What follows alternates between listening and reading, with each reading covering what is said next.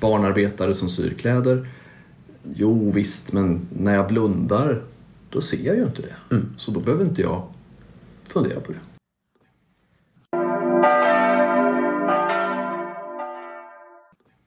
Tycker jag, men jag går till kyrkan på söndag sen så behöver jag inte vara kristen i mitt jobb eller i, i min vardag i övrigt. Så, Utan jag har de här två timmarna på söndagen.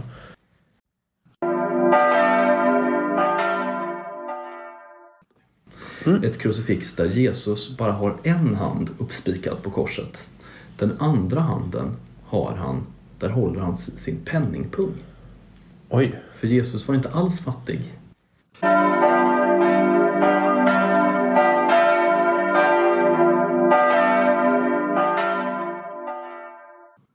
Klockorna ringer in. Det börjar bli en fin tradition att eh, vi varje onsdag klockan 18 dyker upp där poddar finns. Och vi är ju Linus Forsberg och Jimmy Lagerlöf.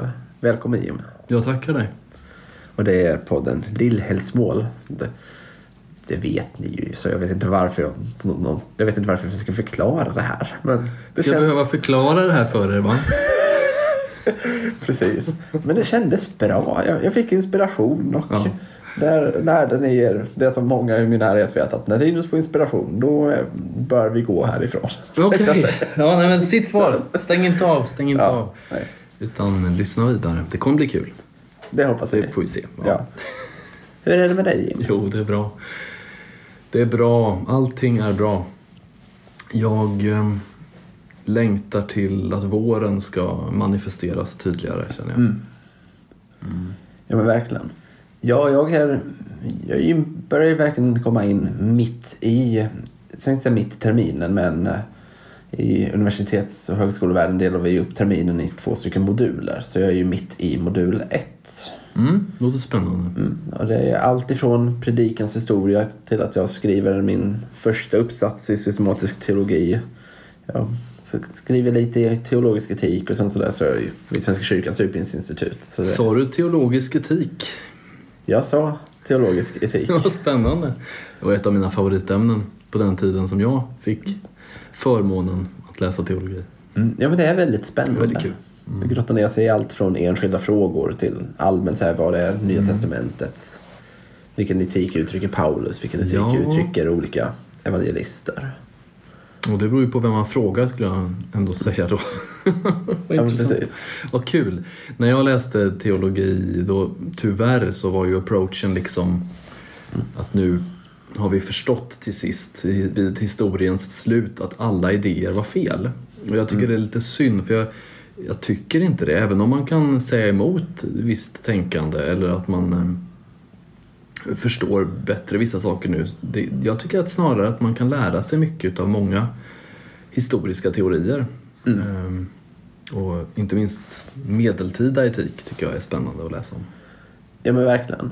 Ja, jag, jag tycker det här är intressant också för att det känns som att vissa mänskliga möten jag har haft historiskt känner jag att jag börjar förstå mer nu när jag börjat läsa om olika etiska modeller. Att jag förstår Ah. liksom att men här krockade vi för att den här personen var mer subjektivist, det vill säga liksom mer vad känner jag kring den här situationen. Mm. Medan jag var lite mer, och någon annan var liksom kulturell relativist, det vill säga att Oj. det majoriteten tycker. så- Spännande. Ja, och att det var därför det blev krockar. För att vi hade helt olika etiska ingångar.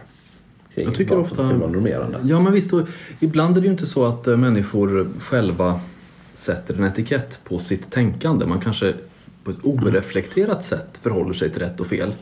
Men när man väl börjat intressera sig för teorierna bakom, alltså varför tycker vi som vi tycker, då, då kan man nästan inte släppa det tycker jag. Det blir en väldigt viktig del av hur man ser på tillvaron. Varför tycker vi att rätt är rätt och fel är fel och så vidare. Ja, ja verkligen. Och där är det också jättespännande att se, tycker man samma sak i teorin som de väl hamnar i praktiken? Jag minns när vi för några veckor sedan hade uppstartslektionen i teologisk etik. Då fick vi först ett, då fick vi ett exempel där vi skulle resonera om vad tycker jag är rätt och fel. Och sen efter att vi hade tagit ställning till det så fick vi frågan, men hur hade jag agerat? Och jag märkte att många i min klass hade samma approach. Men så jag hade en liten, liten justering. Att jag, Okej. jag hade en bild av vad som är rätt. Men jag mjukade upp min linje lite, lite i hur jag skulle tillämpa den etiken. Ja, och jag tycker också det är spännande, för det, det håller jag ju med om, alltså teori och praktik på något sätt. Va? Vad, hur man, att man kan faktiskt erkänna det, att någonting kan vara sant och rätt att göra även om jag inte lyckas göra det. Det behöver inte betyda att, att det som var sant slutade vara sant för mig. Eller i, överhuvudtaget. Eh, Sen så tycker jag ju att det är väldigt spännande eh, med eh, att, att fundera på var moralen skulle ha sin grund. Alltså varifrån kommer sanningen om rätt och fel? Är det någonting som människan har hittat på?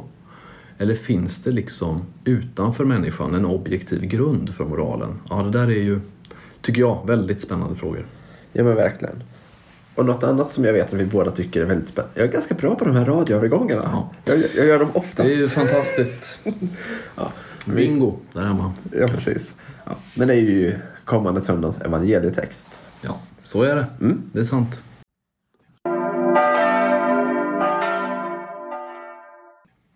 Och nu går ju i Svenska kyrkan in i Septuagesima. Jag är jättedålig på de här uttalen kände jag. Men Trots att du läst latin. Jo, precis. Jag får Ja. skämmas. Men det finns nåd och förlåtelse även för en sån som mig. Om man ber om den så finns den där. Precis. Och nåd och tjänst är underrubriken. Nåd och tjänst. Ja. Och vi går in i, vi som i Svenska kyrkan, går in i första söndagen i förfastan. Och då kommer vi läsa en text som jag vet att du Jim tycker väldigt mycket om. Får jag bara pausa en liten kort och fråga dig, vad, vad är förfastan för din del? Vad bety- betyder det någonting? Eh, där jag är just nu så använder jag mig in, är inte förfastan. Så, utan jag, jag går när fastan börjar, då, Ja, just. då händer det grejer. Precis. Och det kommer vi prata om. När ja, är det dags. tar vi då. Ja, det tar vi då. Sitt still i båten allihopa. Precis. Ja. Men vi kommer nu i alla fall Ja. läsa från Lukas 17, verserna 7 till 10. Ja, kul. Ja, och det är ju liknelsen om tjänaren som kommer hem från åken och som då ska laga maten istället för att bara slå sig ner till bots med en gång och förvänta sig att bli tackad för att den har gjort det den ska göra. Amen. Ja, du nämnde, var det det här du predikade över när du, vad var det du sa när du lämnade? Avskedspredikade i eh, Ölme kyrka utanför Kristinehamn. Då fick jag förmånen att eh, predika över den här texten. Det är en av mina favorittexter faktiskt. Särskilt i diskussioner mellan eh, protestanter och katoliker. Eh, Jag... eh, Och när man pratar om etik, alltså hur förhåller sig våra gärningar och så vidare till vår tro och så. Eller till, också till frälsningen, rättfärdiggörelsen. Så. Där tycker jag den här texten har en del att säga. Men det behöver vi inte tjata om ett varv till kanske. Men, men Ja, men precis. Jag tänker att jag vill stanna till från två, ta den här texten från två perspektiv. Om hur vi kan tänka idag. Och det ena är från vårt mänskliga perspektiv. Får man då tänka att den här tjänaren den kommer hem och den här personen som då har den här tjänaren hos sig. Den förväntar sig då liksom, eller den går ju inte in och tackar utan den vill ju att ja, men du har ett jobb kvar att göra liksom. Ja. Du, det vi kan fråga oss är, för att man kan absolut ta en diskussion kring är det rätt eller fel och, och det kommer vi kanske säkert komma in på. Men för mig väcker den här frågan, uppskattar vi de som tjänar oss på ett eller annat sätt även i vår vardag? Det kanske inte är lika tydligt att vi har liksom en tjänare på det sättet. Men den som gör någonting för oss, kommer vi ihåg att uppskatta det? Eller tar vi det för givet för att vi tycker att ja, men det är självklart att den här ska göra det här? Kanske att den faktiskt har ett jobb att göra det eller kanske för att vi bara tycker att det är moraliskt rätt att den här gör det här. Ja, bra fråga. Då tänker jag dels att vi har liksom flyttat bort eh, tjänarna ur vår åsyn i vår tid. Alltså, eh, de verkar i smyg. Vi ser dem inte så ofta. Men de finns ju där. De som syr våra kläder och lagar vår mat. Och, inte lagar vår mat, de människorna ser det är ju vi själva ofta. Men, men eh, på massor av andra sätt, all den här servicen som finns i botten av vårt samhälle. Eh, Och det väcker ju en väldigt spännande fråga, alltså vilket ansvar vi har för eh, det som vi inte ser. Det, är ju, det finns ju, fast vi inte ser det. Mm. Så jag tycker det, det var en bra fråga från dig, alltså vilken attityd har vi? Vi har ju valt att inte ha en attityd Ja, precis. för att vi låtsas som att det inte finns ofta. Alltså barnarbetare som syr kläder. Jo visst, men när jag blundar då ser jag ju inte det. Så då behöver inte jag fundera på det. Det är ju fruktansvärt på många sätt. Nej, men precis, jag tänker både det, men sen finns det också de som vi faktiskt ser. Mm. Eh, Jag har, vilket vissa ibland har tolkat som att jag försöker fjäska, men jag menar det inte som fjäsk, utan för mig handlar det ändå om en viss uppriktighet. Att jag försöker alltid vara noggrann efter att jag har haft en föreläsning på skolan. Att jag gå fram och bara tacka läraren för föreläsningen och inte bara gå därifrån. Och Jag tänker att det slår an lite på det här. Att visst, det är, det är lärarens jobb att stå där och föreläsa. Den, den får betalt. Den, den har det som uppdrag. Men att ändå någonstans så här, men tack för att du delar den här kunskapen. Även om det är ditt jobb. ja.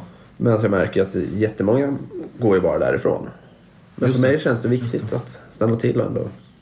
Jo, man uppskattar ju att få ett tack också, det tror jag. Men, men ja, visst, absolut. Jag tror att vi... Man behöver bemöta människor som tjänar med stor respekt. Det tycker jag. För tänk om de inte gjorde det. I kyrkan är det ju tvärtom. Alltså de som vi kallar för ledare. De har Jesus sagt att de ska vara tjänare. Det är en viktig sak. Jag tycker också, det, det uppskattar jag verkligen då, att påven gör en grej av det. Att han vill vara bland de fattiga på något sätt. Eh, Han vill inte bo i ett palats utan han vill, han vill åka buss som alla andra. Han eh, vill eh, fira skärtorsdagsmässan på fängelser eller någon annanstans. Jag tycker det är, det är såklart det är symboler, men det är viktiga symboler. Och det ska påminna oss. Därför så stör det mig väldigt när präster eller biskopar visar upp en vräkig livsstil. Det, tycker, det passar inte tycker jag. Eh, De får väl ha vilken livsstil de vill, men om de ska skryta med den och visa upp den, jag, jag tycker inte det passar sig. Det är klart att det, man ska inte romantisera fattigdom, men frågan är ändå... Ja, För, vad lägger du in i vräk? Jag tänker till exempel om man tänker Svenska kyrkan. Där bor ju många biskopar på en biskopsgård. Är det, är det vräkigt per automatik? Det behöver det inte vara, det är ju deras egen. Det är ju inte deras eget bostad. Och De kanske inte, men om de eh, liksom lägger ut bilder när de är på dyra, fina restauranger. Eller, förstår du vad jag menar? Ja, när det, ja. inte, det är klart, representation, det finns. Eh, Och att de bor i eh, biskopsgård, jajamän, det är liksom inte deras Ja, bostad. men bra. att jag... men, men däremot, eh, man ska fundera på, vill man vara eh, nere vid, märk, det ska märkas att du är en tjänare eller, ska, eller tycker du att det är självklart att människor ska duka undan din tallrik eller liksom sköta dina grejer på något Mm. sätt. Att du inte ska behöva, nej men vadå jag är ju biskop, nu vet jag inte överhuvudtaget om någon tänker så. Men förstår du vad jag menar? Ja. Jag, det var någon tysk biskop för några år sedan som hade byggt åt sig själv i sitt palats då, som han bodde i. Han hade liksom tagit pengar och renoverat så att han skulle få en egen spaanläggning och sådär. Det var ju många som reagerade på det. Mm. Så här kanske vi inte ska använda våra gemensamma pengar och ska du inte vara ett föredöme för, för de som du är satt att tjäna då. Mm. Och det, är- det är verkligen frågan. Ser jag mig som en tjänare eller, eller ser jag mig som en överordnad? Och det är just det här med att vara tjänare som är den andra delen jag vill gå in på. Och det är vår relation till Gud. För att på ett sätt är ju vi tjänare åt Gud här på jorden. Och där kan man då ställa sig frågan, kan vi tjäna klart? Kan vi, eller kommer vi vara som tjänaren som Jesus berättar om att när vi är klara på åkern, nej, men då väntar ju nästa uppgift. Men jag tror att Jesus menar precis det här är han inne på. Tror jag, att det är inte så att vi kan säga nu har jag gjort mitt, nu har jag gjort min del. Livet fortsätter. Ja. Herren vill att du ber ständigt, att du tjänar honom i allt. Eh, Det finns liksom inte, apropå det här som vi har talat om med sabbaten eller liksom. Jag tror att Jesus vill sudda ut gränsen mellan liksom, här är en helig plats och här är en icke-helig plats. När jag är på den heliga platsen då följer jag de, de reglerna och när jag är på den icke-heliga platsen, ja men då spelar det inte så stor roll. Jag tror Jesus vill säga så här, jag har helgat hela världen åt mig. Eh, Och jag har helgat varje hem, varje köksbord, varje sovplats, eh, varje kontor vill jag helga till en plats där man kan möta mig eh, och tjäna mig. Mm. Så det är som du säger, det, tar, det, det är inte något som tar slut. Såklart, sen så tycker Gud också att vi ska ha rätt att vila oss. Va? Ja, ja men verkligen. Ja, det är det jag är inne på också. Att jag tolkar den här texten just som det att Jesus säger inte att ja, men gör bara den här lilla insatsen och så är det bra. Så här. Lite, jag tror var det förra veckan eller förra, förra veckan som vi just sa att vissa liksom tycker jag men jag går till kyrkan på söndag sen så behöver jag inte vara kristen i mitt jobb eller i, i min vardag i övrigt. Så, Utan jag har de här två timmarna på söndagen. Och jag tror att det är det Jesus säger att ja, men, där är, när du är på gudstjänsten då är du ute på åkern. Men sen så när du lämnar åkern när du är klar då finns det annat som man kan göra i sitt tjänande. Men med det inte sagt att vi inte ska få vila som du säger för det, det vill ju Gud att vi ska. Vi ska inte bränna ut oss i vårt tjänande. Det är väl bra sammanfattat att eh, Gud har ju verkligen givit oss en vilodag också. Va? Så det är inte det, är inte det det handlar om. Den här texten handlar inte om att, eh, så att säga, avskaffa sabbaten eller ta bort vilotid. Men eh, den handlar mer om att vårt liv faktiskt handlar om att tjäna Gud. Va? Alltid. Ja, precis. Och det är det jag tänker när man ska leva det här evangeliet. Så här. Att har jag någon plats i mitt liv där jag idag aktivt väljer att inte försöka tjäna. Ta den här sabbaten liksom, regelbundet som plats. Och fundera på, kan jag tjäna Gud på den här platsen också? På något sätt. Ja, men visst finns det, ja, precis, det är väl en jättebra fråga. Alltså, finns det någon plats där du tänker så här, här är Gud inte.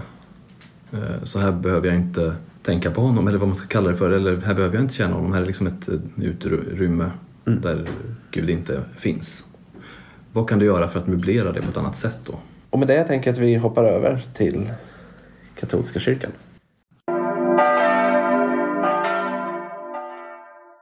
Lukas evangeliet kapitel 6 och eh, dels att Jesus går omkring lite grann och dels eh, saligprisningarna i Lukas variant. Och där säger ju, jämfört med om man läser Matteus som kanske är den kändaste versionen av saligprisningarna. Eh, Det finns det en skillnad. Alltså Matteus han säger saliga de som är fattiga i anden och Lukas säger saliga de som är fattiga. Och eh, fattigdom, det är lite som en röd tråd i det här avsnittet. Eh, Jesus, var han fattig? Det är en fråga man kan ställa sig. Och om man svarar ja på det, då får man fundera på hur, vad betyder det om jag tänker att jag ska följa Jesus? Vad betyder det i avseende på hans fattigdom? Om, om det inte var så, alltså det finns ju en bok som heter Rosens namn. Har, du, har du läst den? Nej. Nej, jag kan verkligen rekommendera Rosens namn då. Den är helt fantastisk. Ehm, Det är ju Umberto Eco, en italiensk författare, som skrivit den. Han, det, han, det är en, som en deckare på 1300-talet, tror jag, 12 eller 1300-talet. I ett kloster i Italiens berg. Eh, Och det är väldigt mycket idéhistoria i den här boken. Och eh, det finns eh, liksom en diskussion om huruvida kyrkan ska vara rik eller inte. Så Rosensberg. Rosens namn. Rosens namn. Ja. Men det är bra. Förra veckan så lyfte du en bok som du inte tipsade om. Nej, Så att, eh, för de som har suttit nu i en vecka och Ja. väntar på boktips. Ja, men så, nu kommer det. Det här är fantastiskt. Och det finns ju också en, en film såklart som, ja, med Sean Connery i huvudrollen men den är inte alls, det är på en, en helt annan sak. Boken är outstanding. Och den, den ger verkligen en inblick tycker jag i um, medeltidens tänkande i väldigt hög grad. Alltså Umberto Eco är, är väldigt intresserad av det, han som har skrivit. Och han förhåller sig också, han är, han är inte en troende människa tror jag, han är snarare agnostiker så han är lite fundersam över kyrkans roll i olika delar av samhället. Men han beskriver det ändå väldigt bra. Ja. Och då är det det här, ska kyrkan vara rik eller inte? Eh, Och då finns det en, en myt i den här berättelsen om att påven har installerat ett nytt krucifix på Petersplatsen. Ett krucifix där Jesus bara har en hand uppspikad på korset. Den andra handen har han, där håller han sin penningpung. Oj. För Jesus var inte alls fattig enligt den här bilden, det här konstverket, utan Jesus var en rik och därför ska också kyrkan vara rik. Är det här fiktivt i boken? Ja. ja, ja precis. Ja. Tack gode gud för det. Ja. Eh, det är det. Men det är klart att den här typen av idéer eh, och diskussioner fanns ju eh, på riktigt. Alltså, ska kyrkan vara rik eller inte? Och varför ska kyrkan vara rik? Eh, och om man inte tycker det, på vilket sätt ska den vara fattig? Det var ju precis i den här eran som den helige Franciscus liksom växte upp och han som verkligen tyckte att vi måste återvända, vi troende, vi måste återvända till det liv som Jesus levde. På något sätt. Bland fattiga i någon typ av egen fattigdom. Sen tror jag inte han menar utblottelse, men det, det ligger verkligen någonting i det här att man, eh, vad kan man avstå ifrån? Vad, vad står i? Om man, om, man, om man nu gillar det här som vi talade om för några veckor sedan, den här lutherska approachen i gudstjänsten, att det som skymmer evangeliet, bort med det. Men tänk inte så i gudstjänsten då. Det kan du göra i gudstjänsten också, absolut. Amen det. va. Men tänk så kanske i ditt liv. Det som skymmer evangeliet i ditt liv, det måste bort.